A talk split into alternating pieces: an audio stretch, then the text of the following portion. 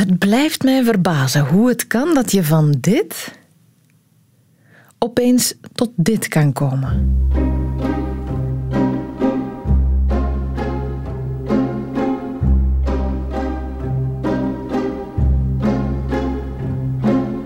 Dit is Soundtrack Maestro. Een podcast van Radio 1 en Filmfest Gent, waarin we heel hard beseffen dat een film zonder zijn muziek niet bestaat. En daarom gaan we op zoek naar de verhalen achter die soundtracks. En vooral naar de mens die ze maakte. En ik doe dat niet alleen, wel met mijn eigen maestro, dirigent en componist Dirk Proce. Soundtrack Maestro. Een podcast van Radio 1 en Filmfest Gent. Annelies Moons en Dirk Brossé. Dirk, wat mij opvalt als ik kijk naar het, lijstje van, van de vier uh, componisten waar we mee praten, maar ook andere namen die ik zelf nog kende, John Williams en Hans Zimmer, dat zijn uh, voornamelijk mannen. Mannen uh, op, op, op leeftijd al meestal, die al veel gedaan hebben natuurlijk. maar is dat een wereld waar nog altijd vooral mannen in werken, die filmcomponisten? Niet meer. Mm. Daar is uh, sinds uh, een aantal jaren een, gigantische shift ge gekomen. Um, regisseurs zijn op zoek naar uh, componisten die talent hebben. En of dat dan mannen of vrouwen zijn, dat, dat maakt eigenlijk niet uit. Maar ik moet toegeven, uh, het is uh, hoofdzakelijk een mannenwereld geweest. Tot voor, ja, tot, tot, tot, tot, tot voor 20 jaar. En dan waren zo de eerste, 20, 30 jaar de, de eerste vrouwen die zo begonnen te componeren. kleinere projecten. Ook vaak omdat ze geconnecteerd waren met, met regisseurs. Heel dikwijls man-vrouw man, zelfs. Mm -hmm. dus dat lag het een beetje voor de hand. Maar uh, nu wordt daar eigenlijk geen, geen onderscheid meer uh, in gemaakt. Vorig jaar op Filmfest Gent was Tamar Kali, een Afro-American female composer, die de prijs heeft weggekaapt. En iedereen was dolgelukkig. Mm. Er waren vijf genomineerden en Tamar Kali werd uiteindelijk de finaliste. En ik zag alleen maar lachende gezichten. Ja, zoals zoveel werelden vroeger uitsluitend witte mannen, maar nu opkomende heel veel talenten in alle, in alle vormen en kleuren.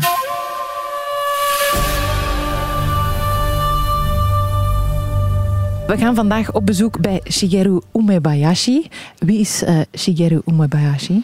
Het is een van de meest vooraanstaande Japanse componisten op vlak van filmmuziek. Het is iemand die uit de popmuziek komt. Uh, en eigenlijk heb ik hem zelf nooit de vraag gesteld wanneer en waarom hij de switch heeft gemaakt van de popmuziek naar de filmmuziek. Ja, zeker. Zullen we wel eens even luisteren naar hoe dat klonk in de popmuziek?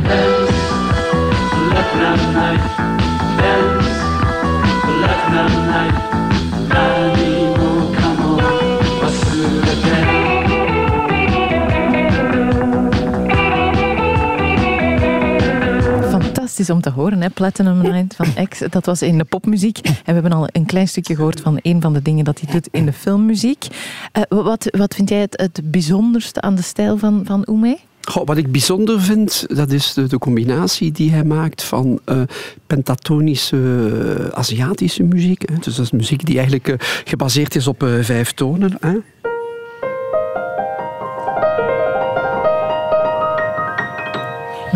In combinatie met de, de westerse muziek, met de westerse toonaarden. En ook met uh, combinatie van westerse instrumenten, die we kennen uit het uh, klassieke symfonische orkest, met etnische instrumenten uit Japan. Hè. Japan en China ook. Hè. Bijvoorbeeld verschillende fluiten, de ergu, uh, de, de, de dies, de guzheng, al dat soort van, tenminste voor onze oren, toch exotische instrumenten. Ja, ja, dus het is eigenlijk twee keer een combinatie. Eén keer op basis van instrumenten en één keer echt de andere toonaarden en de andere klanken.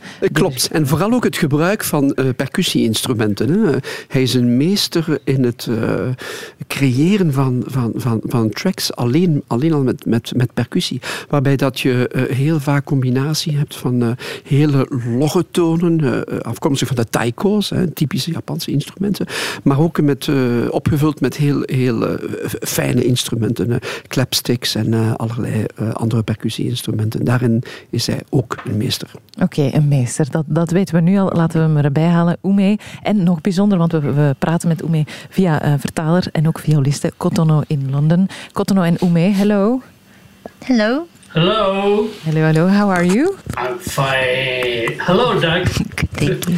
Eh, ja, Dirk, het, het, is, het blijft radio natuurlijk. Uh, jij doet een, een O naar, naar Oeme. Grote O. Een grote O met je armen. Mijn armen naar, naar boven, boven mijn hoofd. Een soort YMCA, maar dan ja, een, een O. Dat ik een cirkel maak. Het is het teken van de zon.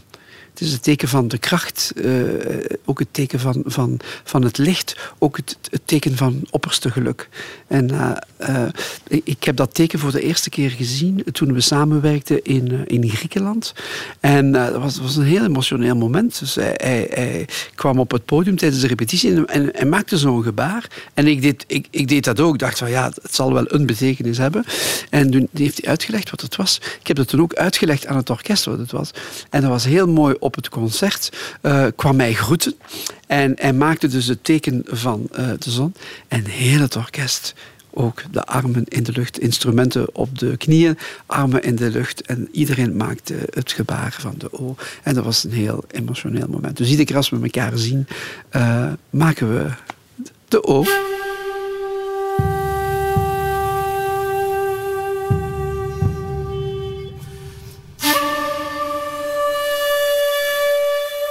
we know each other now for a couple of years, but I, I, there is a question I have never asked you. When and why did you make the switch from pop music to film music? あの日本のものすごく有名なアクター It started very simply. So he was writing pop, and then he met an actor called Matsuda Yusaku. He's um, he's done few Hollywood music uh, films as well, and he's been known as an actor and a rock singer. And Ume had a opportunity to produce his music, and Yusaku loved Ume's uh, music, and then he said, "Would you like to write music for film?" And that's how it started.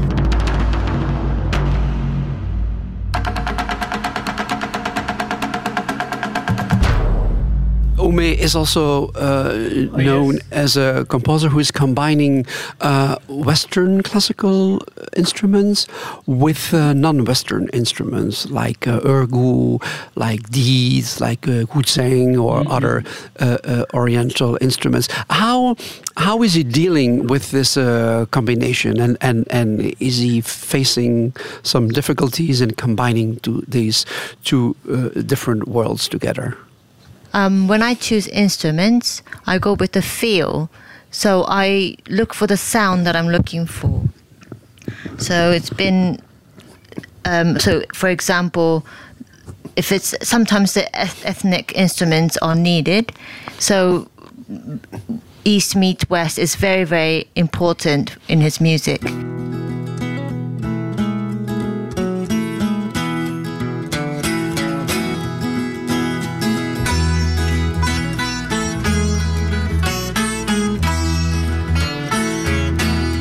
But, um, for example, the Beatles, when um, um, George written the Norwegian Wood, it is, it's a song about Norwegian Norway, but then at the beginning, at the intro, he's using an in, Indian star. So that has nothing to do. It's different to Norway. Don't really put that together, but that sort of looking for the sound element is very, very important. Should I say, she once me. She showed me her isn't it good? Norwegian wood. Dat is toch wel interessant, die, instrumenten, die Aziatische instrumenten die wij minder goed kennen van klanken, om ze even te laten horen. Uh, we hebben hier bijvoorbeeld de erhu-viool, die klinkt zo.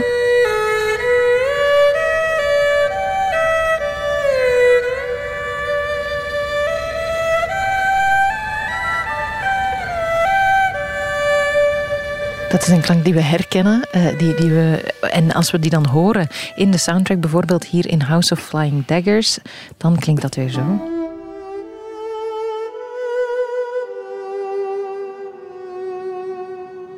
Fantastisch. Het is eigenlijk, eigenlijk een, een snaarinstrument de, de, waarvan de klank echt huilt. Wat hij, wat hij ook speelt, die huilt. En dat, dat is ook omdat er geen, geen precieze definitie van de klank is. Dat eh, Als je op een viool een noot speelt, dan duw je de snaar tegen het toetsenbord. Dus, dus, dus, dus je bepaalt eigenlijk de afstand van de snaar. Je kan natuurlijk die snaar laten leven door met jouw vinger heen en weer te gaan. Dat heet dan vibrato.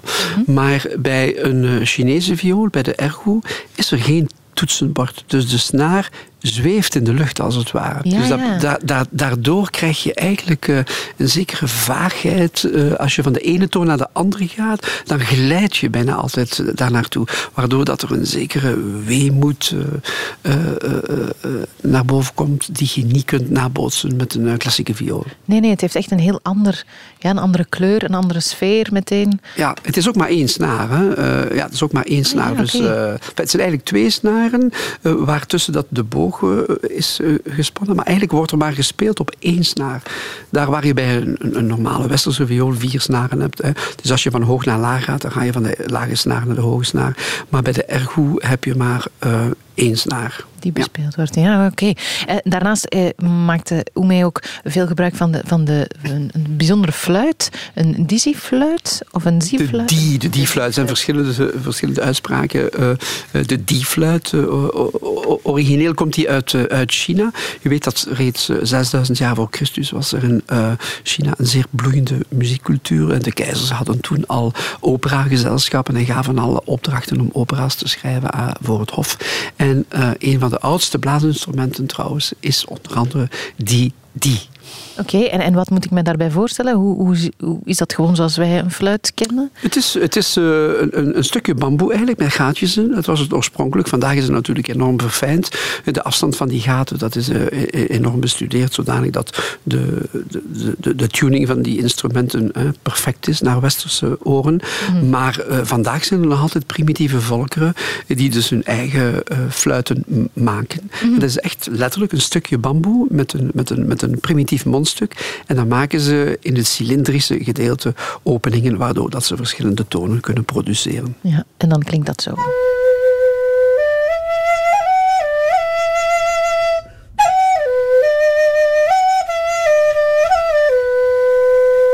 Ja, prachtig. Het is ook weer. eh, heb ik het gevoel dat het ook. dat de tonen ook. dat het zoals bij de viool. dat het ook wat meer glijdt van het ene naar het andere? Ja, dat klopt. Maar dat heeft te maken met, eh, met speeltechniek. Niet zo direct met de bouw van het instrument. Dit heeft hier te maken met, eh, met de speeltechniek. En eh, hoe het dan weer in House of Flying Daggers klinkt, dat is op deze manier.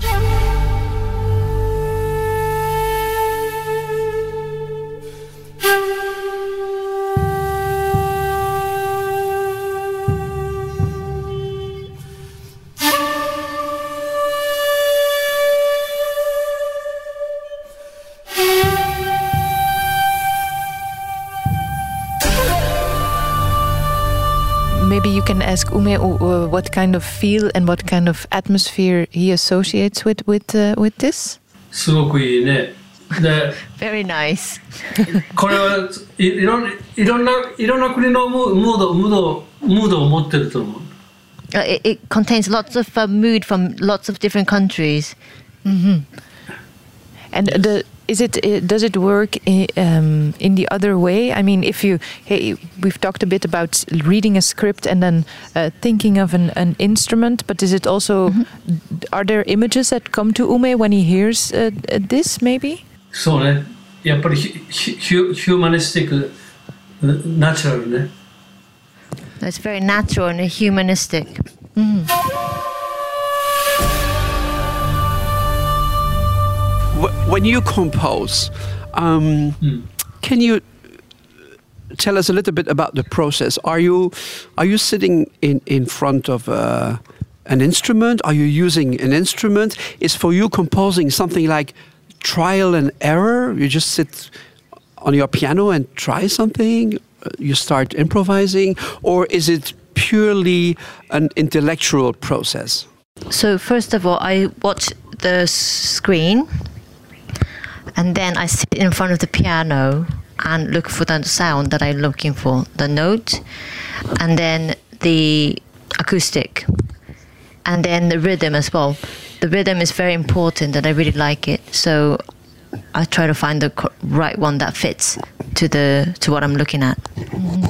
Yes, because Dirk uh, also said earlier that uh, percussion is very important. So, so is the rhythm is where it where it starts. Is what I hear Ume say. だからそれが今彼女言ってるパパパパーカッションを使うことがリズムというわけじゃないのビート体のビート Beat. So it doesn't necessarily mean percussion, but the beat. The is beat and the um, rhythm. what he means by rhythm, not necessarily a percussion. So the, Um, the, the, the, the timbre instrument. and the color and the choice of the instrument Yes. comes later, but it's it's the structure of the rhythm. So it's it's the groove of the of the of the music.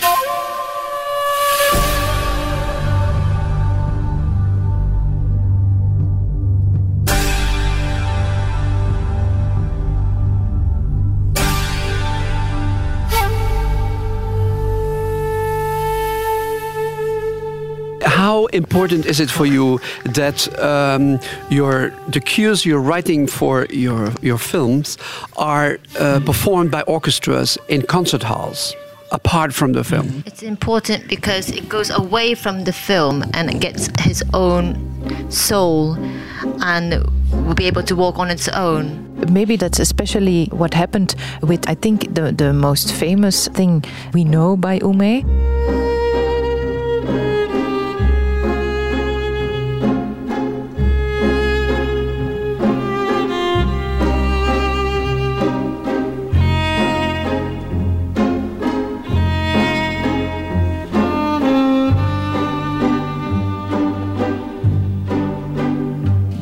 Dirk, ondertussen zeg jij... Oh my hoe God. Ume, this is so beautiful. Thank you so much. I've conducted this piece many, many times. It is so beautiful.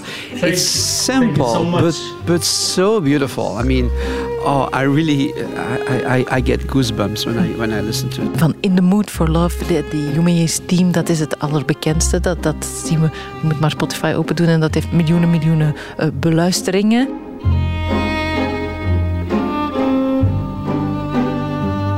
Does he remember where it started, where he got the inspiration for it? あれはねあのもともと自分の中の体にはうんちゃっちゃぷんちゃっちゃぷん So the waltz was in in my mind the whole throughout when I was watching the film, and when I written it, ピピアノじゃなくてギターでつく It was actually not with the piano, it was with the guitar. The, the choice you, you, you made to, to have it played by, by, the, by, by the string orchestra. So why, why, why did you go from the guitar to the, to the string orchestra? Um, I originally wanted to have the, have the score with the orchestra. で他の曲が結構オーケストラが大きかったから 一つだけシンプルな曲が欲しかったあのピ And アノじゃなくて everything ギ else ター in the で film was quite orchestrated um, with a bigger sound. But so I wanted something a little bit more simpler, but with strings. But, but then I go in the composer's mind. I I, I, I ask myself, uh, this melody is played on a solo violin in the, in, the, in, in a low register. Why, for example, not a viola or a cello in a high register? I thought it would be more emotional playing on a violin um, in that register rather than a cello and a viola. I, I fully agree because I, I, I was thinking about that theme, and I'm sure it's it, it has been played by a cello. I think it has been played by probably many other instruments without you knowing it. But um, I think with, with the cello it would become over romantic and over over dramatic. So now it's Yes, very yes. in, intimate uh, when it's played by the by the violin. And for me, it, it creates an emptiness, and the emptiness creates sadness. That's what I think as a as a performer, as a conductor. Thank you 日本のクレイジーペインターだってでも彼非常にロマンチストだ So um, yes, that's absolutely right. And for example, the the person in the film was a, a crazy, a a Japanese, a crazy painter, and was sadness. It can't be too sad as well. So it had a good balance. Yes, yes. Ume, I knew we would understand each other till the end of times. Thank you. Good. Thank you. And I Thank you very understand, much. I understand it started with the rhythm again, with the waltz, and then it came to be this uh, that we all love.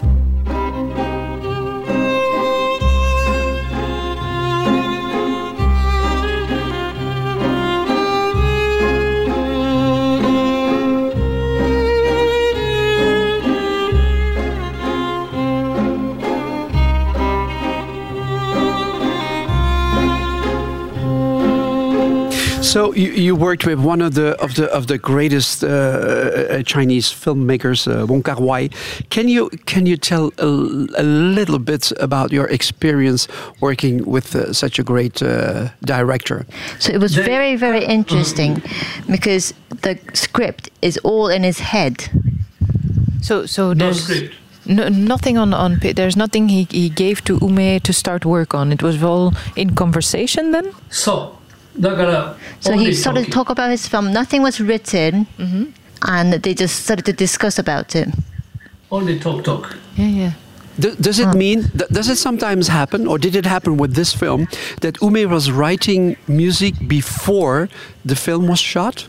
In the Mood for Love だけは映像の前に音楽がに音楽がもうあったできて So the In the Mood for Love, when he um, written that, yes, he written it before it was shooted.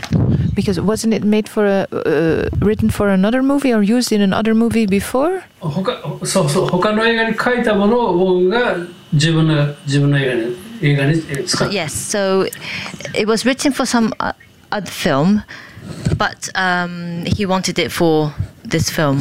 Maar hij heeft nog, nog andere films met Won Kar Wai eh, gemaakt. Eh, bijvoorbeeld ook 2046.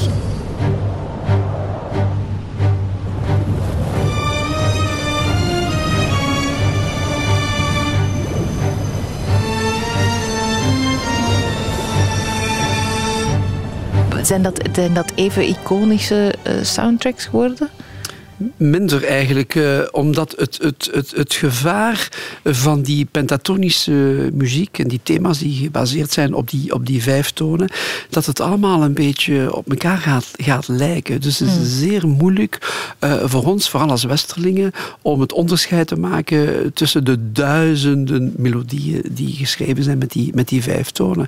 En waarom is dat ene themaatje zo eh, beroemd? Eh, omdat het geschreven is met westerse ingrediënten. Ja, ja, ja. En daardoor heeft het een, een, al- ja, een aantrekkingskracht op onze oren die die westerse eh, gewoontes hebben en die dat, die dat als aangenaam ervaren omdat we dat kennen. Precies.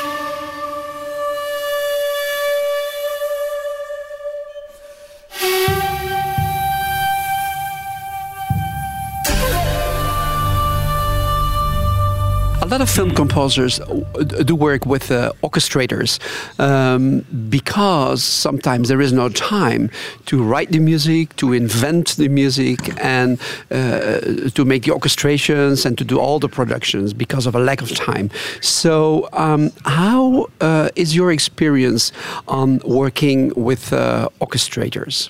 Orchestrator is so important to me. It's probably the reason why I could be still a film composer. So, what what kind of material are you sending to the orchestrator?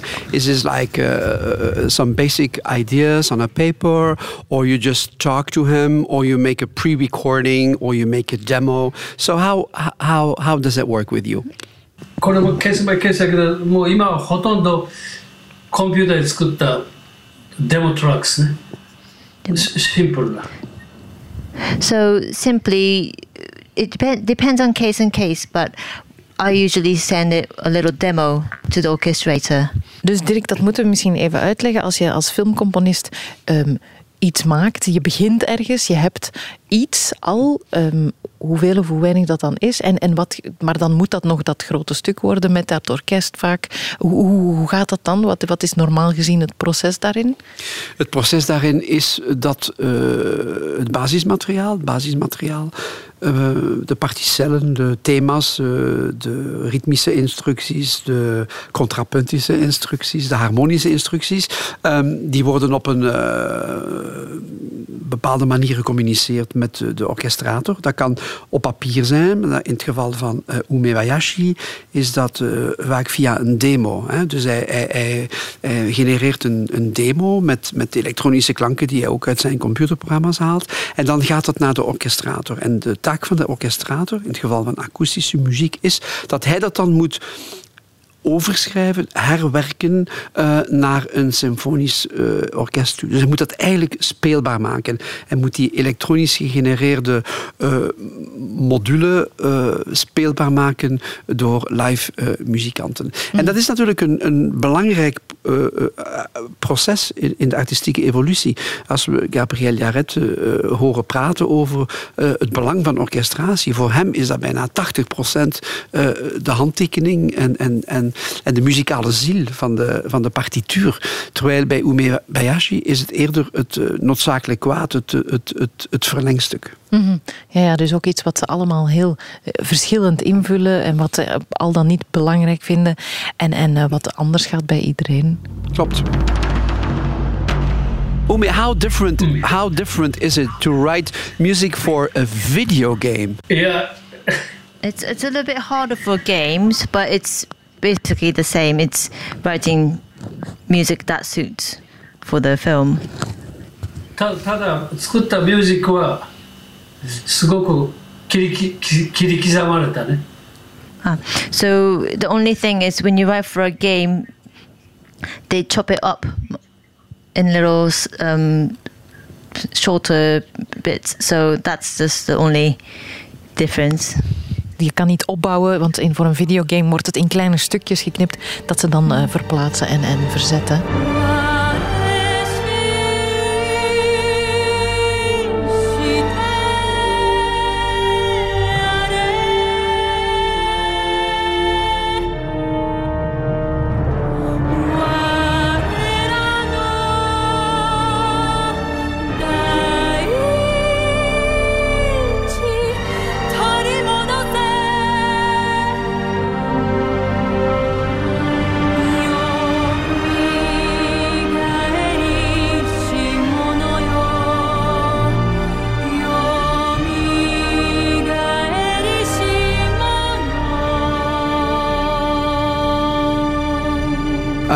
A lot of your music is written for uh, acoustic instruments, which I love, of course, which a lot of people love.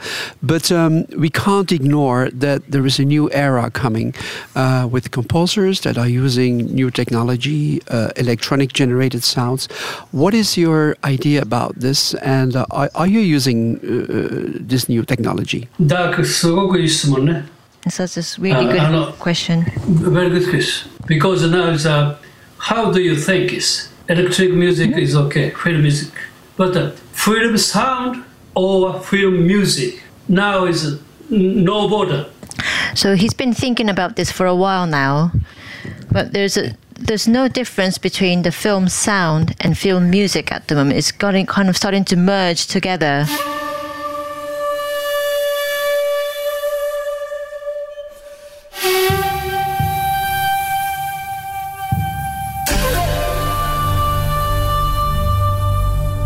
Would you describe your, your musical style in one phrase? Non-genre. No genre. Uh, Covers yeah, out of every box. pops, everything. Yes, yes, yes, yes. Yeah. No, uh, no, no boxes, no one box. No boxes. And another question I ask to a lot of my uh, uh friends, film composers: What are your favorite Western classical composers?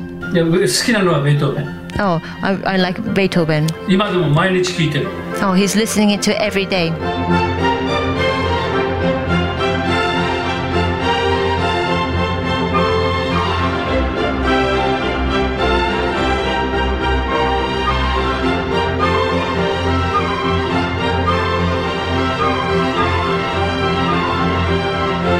Remember uh, a couple of years ago, uh, you were a guest at the World Soundtrack Awards. Um, you have been awarded for your work. Um, we have recorded a complete album with the Brussels Philharmonic of your music, which was a, a, yes. a fantastic project. So, my question is um, in which way did this event uh, and this recording and this award influence your career? It was a very, very, um, I feel honored to be there. And it was an amazing experience. We, we were we were so lucky to, to, to, to have you, and I have to say that uh, for uh, uh, uh our audience and also for our musicians from the Brussels Philharmonic, it was quite an experience to play unusual, uh, a, a bit atypical uh, Hollywoodian uh, film music. So we were very happy with this uh, project. Uh, thank you very much, Dirk.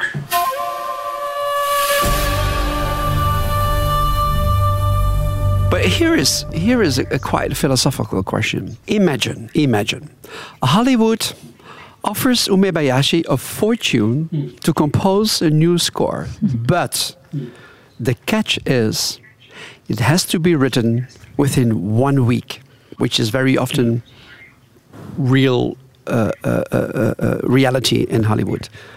What is your answer? I don't want to die. He said, I don't want to die. No, but you are you are known as as a composer who who is really literally taking all the time he needs to come to uh, to the final result, and, and, and you can hear it in the quality of uh, of your music. And this is what I what I what I like about your music. It has an identity, uh, it has a personality. It's not a copy of something, but uh, it's it's Umebayashi, and this, that's why uh, uh, uh, uh, half of the planet loves what you do. Thank you. Thank you. Thank you very much. Arigato, domo arigato. Arigato gozaimasu.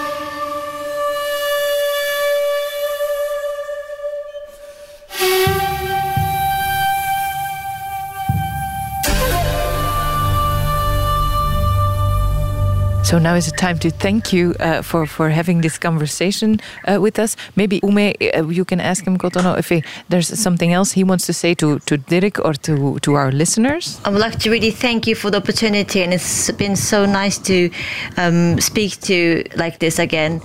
And um, I know the situation in the world is not great, but really looking forward to creating music with you again soon.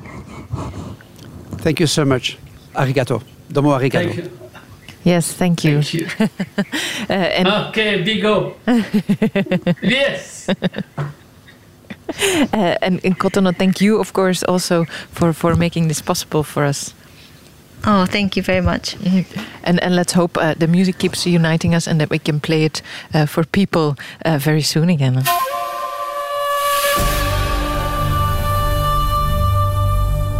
Bijzondere ervaring om zo via een tolk met Oemé te kunnen praten. Uh, maar wel fantastisch hè, wat hij vertelt over hoe hij te werk gaat. Hoe hij zich laat inspireren. Ja, door de sfeer vooral. Hè. Dat, dat heb ik bij Oemé onthouden. Ja, vooral door de sfeer. eh, en dat heeft ook te maken met, met het soort films waar hij, waar hij muziek voor maakt natuurlijk. Hè. Zijn speeltuin is, eh, zoals we ook al eh, hebben gehoord eh, tijdens de interviews, de speeltuin is natuurlijk de combinatie van de pentatonische muziek met de westerse muziek. Combinatie van klankkleuren uit het oosten met westerse klankkleuren. Dat is zijn speeltuin. En, en als hij zich daar kan, kan in uitleven, ja, dat is ook voor mij de, de, de, de, de echte Umebayashi. Ik heb Ume ook meegemaakt waar hij probeerde om westerse muziek te imiteren. Met alle gevolgen van die. Dat lukt natuurlijk niet. Hè. Maar ik denk dat je ja, de mensen met de juiste auditieve blokjes moet laten spelen. En dat je dan uh, prachtige resultaten hebt. En dat kunnen we horen in de filmmuziek die Oemé maakt. Dirk, dank je wel. Graag gedaan.